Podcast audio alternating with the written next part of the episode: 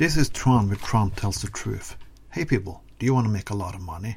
A lot of money. Tons of money. And best of all, you don't have to pay any taxes whatsoever. Yes, then you're going to start a religion or just start a congregation in a church in all one already existing religion. Yeah, look at this. People like Kenneth Copeland, he earns $655,000 a year. John Hagee, $1 million.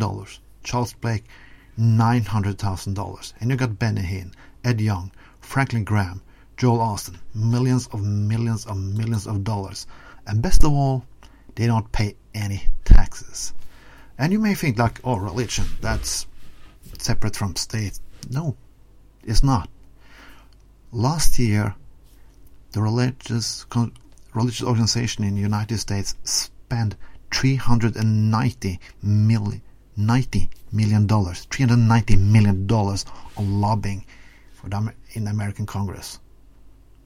Is that right? Do you think that's cool that these people can do that? You don't even have to be a religion. You don't have to be a Christian at all. You can just make up something.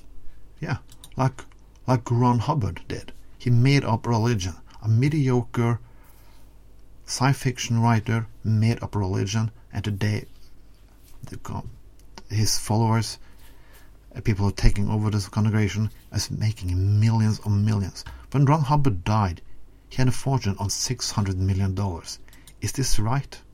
Ask yourself, isn't it time we start a war against these people? Isn't it time we made them pay the fair share? I think so, and I hope you think so too. Because religion is almost soon to be a poison in American society and the rest of the world too.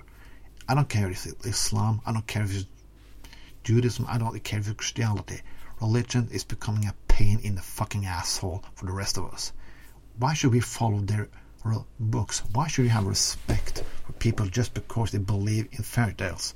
I don't know. I don't give a shit anymore and I don't want to do it. Best first thing you can do is tax religion in your country. Tax them and tax them hard. Tax them like everyone else business because religion is not longer a religion.